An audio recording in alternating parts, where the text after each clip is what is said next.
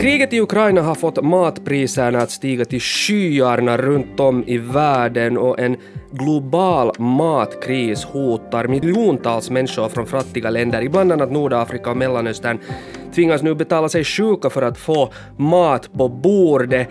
Så vad händer när människor går hungriga? Jo, de blir arga, frustrerade och ställer sig på barrikaderna om de inte får billigare bröd. Det här hände när arabvåren bröt ut för drygt tio år sedan, så hotar samma sak att hända nu igen. Det här ska vi diskutera här i nyhetspodden. Jag heter Johannes Taberman och med mig har jag Svenska Yles utrikesredaktör Viktor Heikel. Välkommen. Tack. Som sagt, matpriserna har stigit nu till skyarna i hela världen. Vi får mycket rapporter om det här. Har maten någonsin varit så här dyr? Det är en svår fråga att svara på, men det man kan åtminstone säga är att det här sammanfaller, den här matkrisen sammanfaller i ett läge där vi har haft på flera håll i världen sådana här återkommande lokala matkriser, skördar som har misslyckats äh, oftare än vad de har brukat göra historiskt sett, samtidigt som vi har i pandemins efterdyningar mycket, mycket svåra ekonomiska lägen på många håll, samtidigt som inflationen på många håll skjuter i höjden. Den inflationsnivå vi har här i Finland eller i EU är liksom ingenting jämfört med vad den är på många håll, eh, där det här faktiskt då liksom biter riktigt, riktigt hårt i folks plånböcker och möjlighet att betala för mat, samtidigt som uh, vi ser ett, ett pris på, på livsmedel, många olika livsmedel som är om nu inte högsta någonsin så åtminstone högt på topplistan. Mm. Och nu när vi talar just om, om, om den här matkrisen och höjda matpriser så fokus ligger på hur det drabbar de fattiga i världen. Det är klart, vi känner också av här i Finland nu sakta men säkert höjda matpriser, men det är ingenting jämfört med det vad, vad, vad riktigt fattigt folk tvingas genomlida eh, nu när sån helt grundmatvaror blir så mycket dyrare. Det talas hemskt mycket om att det här kriget i Ukraina just har, har satt igång en, en en matprishöjning just för att Ukraina och Ryssland båda exporterar så mycket vete som är så viktigt för så många i världen. Så är liksom den här matkrisen bara liksom krigets och Putins fel eller vilka alla andra förklaringar finns där bakom? Nej, det, det finns nog alltså, det är mångfacetterat, men det var den här, det, det här kriget har så att säga satt i rullning är det att när så många av de här länderna som är beroende av dels då ukrainskt vete men också majs och, och till exempel solrosolja, mm. matolja, um, när de inte får tillgången till det här tryggat så måste man börja söka på andra håll för antingen samma vara eller någon, någon motsvarande vara som man kan ersätta stapelvaror med. Och det sätter igång en sån här pristävlan som sen utöver den här liksom, prisökningen som beror på att det finns mindre vara på marknaden, så, så sätter den här tävlan om det som finns på marknaden igång en ytterligare prishöjning. Mm. Och det kan sen göra att man inte bara liksom tvingas så att säga betala ett högre pris utan kanske till och med kan liksom råka i direkt konkurrens med någon annan som, är, som har möjligheten att betala det här högre priset och att man då helt enkelt blir utan den ersättande varan eller ut, utan den ersättande andelen av den här exportmarknaden. För att man helt enkelt inte kan tävla med rikare länder, rikare instanser jag tänker just på här, liksom att, att, för vi talar nu om just eh, vete som ju behövs liksom för bröd och pasta. Det här är ju sånt som väldigt många människor i världen lever på och just den här solrosoljan också. Helt grundläggande liksom basvaror. Det som man måste komma ihåg är att i många av de här länderna så har man inte tillgång till liksom tillgång eller råd till en mångsidig kost mm. eller en kost som man på det sättet blir mätt av. Så vad man egentligen gör då är att man äter spannmål och matolja. Det är liksom det man blir mätt på, det är det man har råd att äta sig mätt på. Och om man plötsligt inte får tag på tillräckliga mängder av de här två varorna, så vet man inte längre vad man ska äta. Och det, det liksom första steget i den här matkrisen är inte så att säga hungersnöd direkt, utan det är en slags det, det kallas uh, matosäkerhet, det vill säga man mm. vet inte längre, man kan inte längre planera med att var man får sitt nästa mål mat, hur man ska betala för det och när det kommer. Att det liksom, man lever så att säga hela tiden från måltid till måltid ja. i osäkerhet om när, hur och var man ska äta näst. Och det där som du säger då, det är liksom första steget sen till sån här verklig hungersnöd. Men, men, men det är en matkris som vi nu ser växa till sig hela tiden. Hur, hur djup är den? Jag menar, hur ser prognoserna ut? Hurdan hungersnöd kan vi ha framför oss ännu? No, det första steget är såklart det att det här börjar drabba de länder som redan lider av hungersnöd eller liksom utbredd kronisk undernäring. Jag tänker mig liksom Afghanistan, Jemen, länder i, i Afrikas horn, i Etiopien, Eritrea, sådana här länder där ja. redan en del, andel av, av befolkningen svälter redan nu eller är mycket, mycket nära svält. För den här samma marknaden som alla de här länderna tävlar på om de här matvarorna, så tävlar också biståndsorganisationer Just det. på. Eh, så jag tror att det första tecknet, det första liksom riktigt, riktigt så här konkreta tecknet på den här matkrisen kommer att vara att de här länderna kommer att få en ännu mer utbredd svältkris. Eh, nästa steg är sen att vi ser att de här 3 till 600 miljoner människorna ungefär som, som räknas drabbas av den här pågående krisen kommer att få det allt svårare och allt fler av de människorna i de befolkningarna kommer att liksom skjutas in i ett sånt här kroniskt undernäringsläge, där man aldrig egentligen får tillräckligt med mat, uh, man aldrig äter sig mätt, och det börjar sen ha liksom andra utvecklingsföljder för, speciellt för barn till en början, men sen, sen också för liksom den vuxna befolkningen. Ja, just eh, FNs livsmedelsprogram har ju varnat för verkligt, eller de är väldigt oroade, och jag menar, de står ju också ganska handfallna då om de inte får tag på, på den mat som de skulle borde dela ut. Ja, här, här står vi liksom redan inför ett läge där, där så att säga andelen kroniskt undernärda i världen har ökat redan flera år i rad. Och nu kommer den här krisen liksom på och förskjuter en allt större del av de här hotade befolkningarna in i ett jätte, jättekritiskt läge. Uh, det, det, finns ingen snabb lösning på det här. Man kan inte liksom sådär bara trolla fram mat åt de här instanserna. Vi har redan till exempel sett i Jemen under de senaste åren att man har skurit ner de här ransonerna, biståndsransonerna, för okay. att det helt enkelt inte har funnits möjlighet att få in tillräckligt med mat. Ja, FNs livsmedelsprogram enligt dem så räknar man med cirka 45 miljoner människor i 43 länder som lever under risk för direkt svält.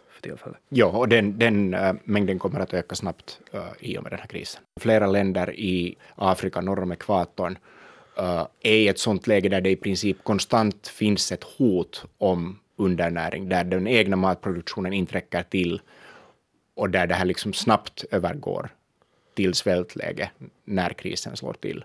Så det, det är nog en, en, en, lång rad länder där, där den här liksom själva svältkrisen kan vara, kan vara liksom på kommande om, om det här kriget påverkar flera skördar i sträck mm. framför allt.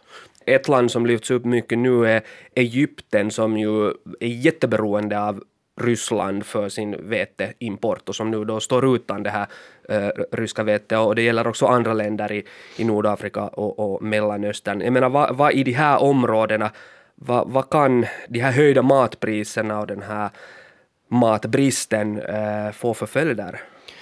Nu här ser vi ju att många av de här länderna, bland annat Egypten, Algeriet och flera andra länder i liksom Nordafrika och Mellanöstern, det, det är ju också samtidigt ganska auktoritära länder. Ja speciellt om man tar Egypten nu som, som exempel, så finns det nu i och med eh, att, att al-Sisis regim har tagit ett så hårt auktoritärt, brutalt auktoritärt grepp om landet, så finns det liksom ett slags samhällskontrakt där man, man så att säga man erbjuder säkerhet och mat för att befolkningen ska hållas liksom lugn och inte göra, försöka göra uppror och inte, inte, ställa sig emot uh, regimen.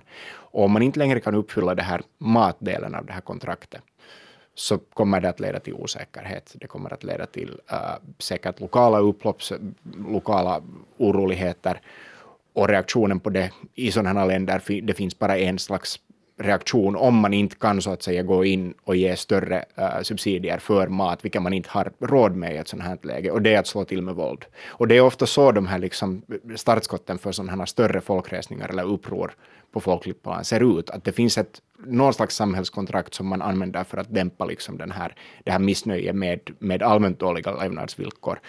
Och när det kontraktet inte längre kan hållas från regimens sida, mm så kokar liksom allt över. Och man men, kan inte längre hålla locket på. Men alltså, så i praktiken handlar det om att, staten går in och garanterar folket tillräckligt billigt bröd i utbyte mot att folket inte ställer sig på barrikaderna? Ganska långt så, ja. Alltså, det, det debatteras hemskt mycket bland forskare inom sådana här ämnen, att hur stor del har egentligen sådana här livsmedelspriser och andra sådana här i, i de här upproren. Men det finns åtminstone en direkt parallell som man kan dra här, där, där man kan säga att liksom priset på bröd uh, direkt har orsakat en folkresning och det är Sudan 2019, mm. där man ansåg att, att staten inte längre har råd, och det hade de säkert inte, uh, att upprätthålla sådana subventioner för bröd, direkt för bröd. Och inom en vecka så hade du liksom hundratusentals människor ute på gatorna och inom några månader så var diktatorn avsatt så det, där liksom, det, det kan ofta bli den där sista droppen, ett samhälle som är dysfunktionellt, som har en massa problem, där det inte finns förtroende för ledningen, så, så om sen det där liksom, du inte längre får ens mat på bordet, inte har råd med det där brödet eller det finns inte bröd, så då, då är det sista droppen och då växer det där missnöje sig så stort så det blir liksom våldsamt. Absolut, och det, liksom, det gäller ju inte bara mat, men mat är en sån basvara som du mm. inte kan ersätta. Det, liksom, har du inte mat så har du inte längre någonting att förlora. När det gäller någonting som är så livsviktigt som mat, när det kommer till den punkten så har man liksom ingenting längre att vara rädd för, för du kommer ändå inte att överleva utan mat. Arabvåren startades för drygt tio år sedan och det var en tunisisk frukthandlare som tände eld på sig själv och, i ren sån frustration och, och sen spred sig då den här protestvågen som en löpeld över hela arabvärlden.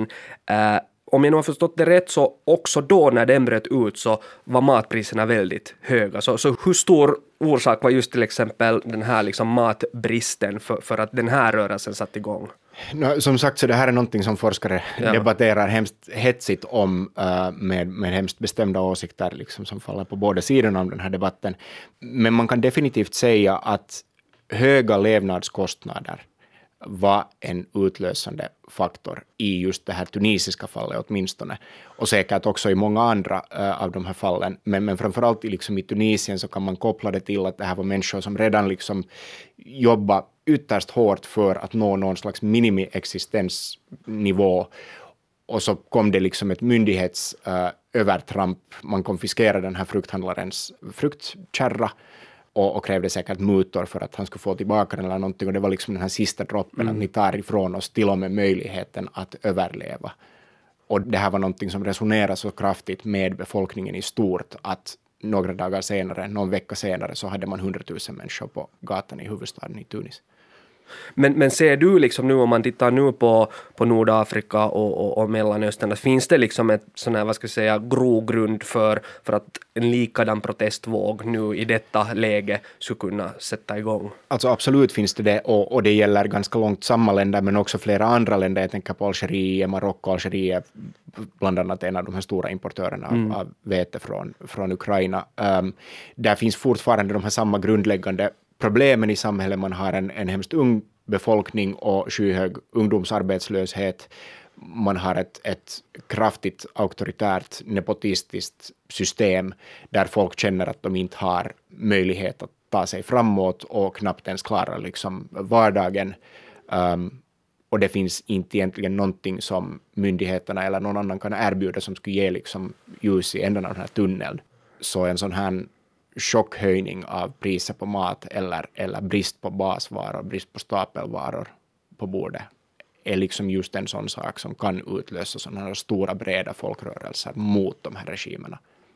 No, följande vad ska jag säga, månader är ju helt avgörande, det vill säga hur det går i kriget i Ukraina och hur det går med den ukrainska skörden, följande ukrainska skörd och, och kommer Ukraina åt att, att liksom börja exportera eh, vete igen. Men oberoende av kriget så har vi ju fortfarande liksom den här stora klimatkrisen som finns där bakom som ett sånt här enormt hot just mot framtida skördar så, så, så måste vi liksom räkna med att sådana här matprotester och matkriser att de bara kommer att bli värre och större framöver.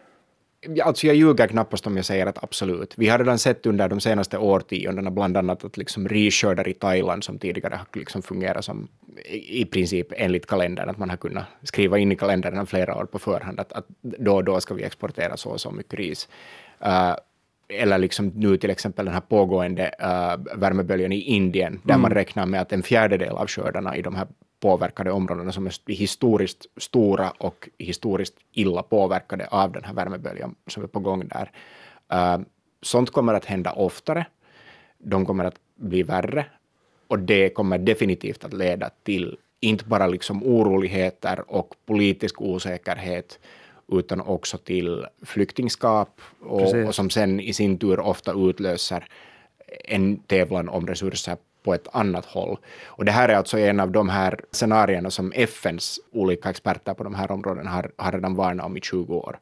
Att, att så här kommer det att börja se ut. Och nu ser vi liksom att vad som i princip är en liten händelse liksom på den globala livsmedelsmarknaden får jätte, jätte, jätte massiva liksom tsunamiaktiga äh, randverkningar globalt för att matosäkerheten redan nu är så utspridd och det finns inte möjlighet att räkna med skördar på samma sätt som det fanns tidigare.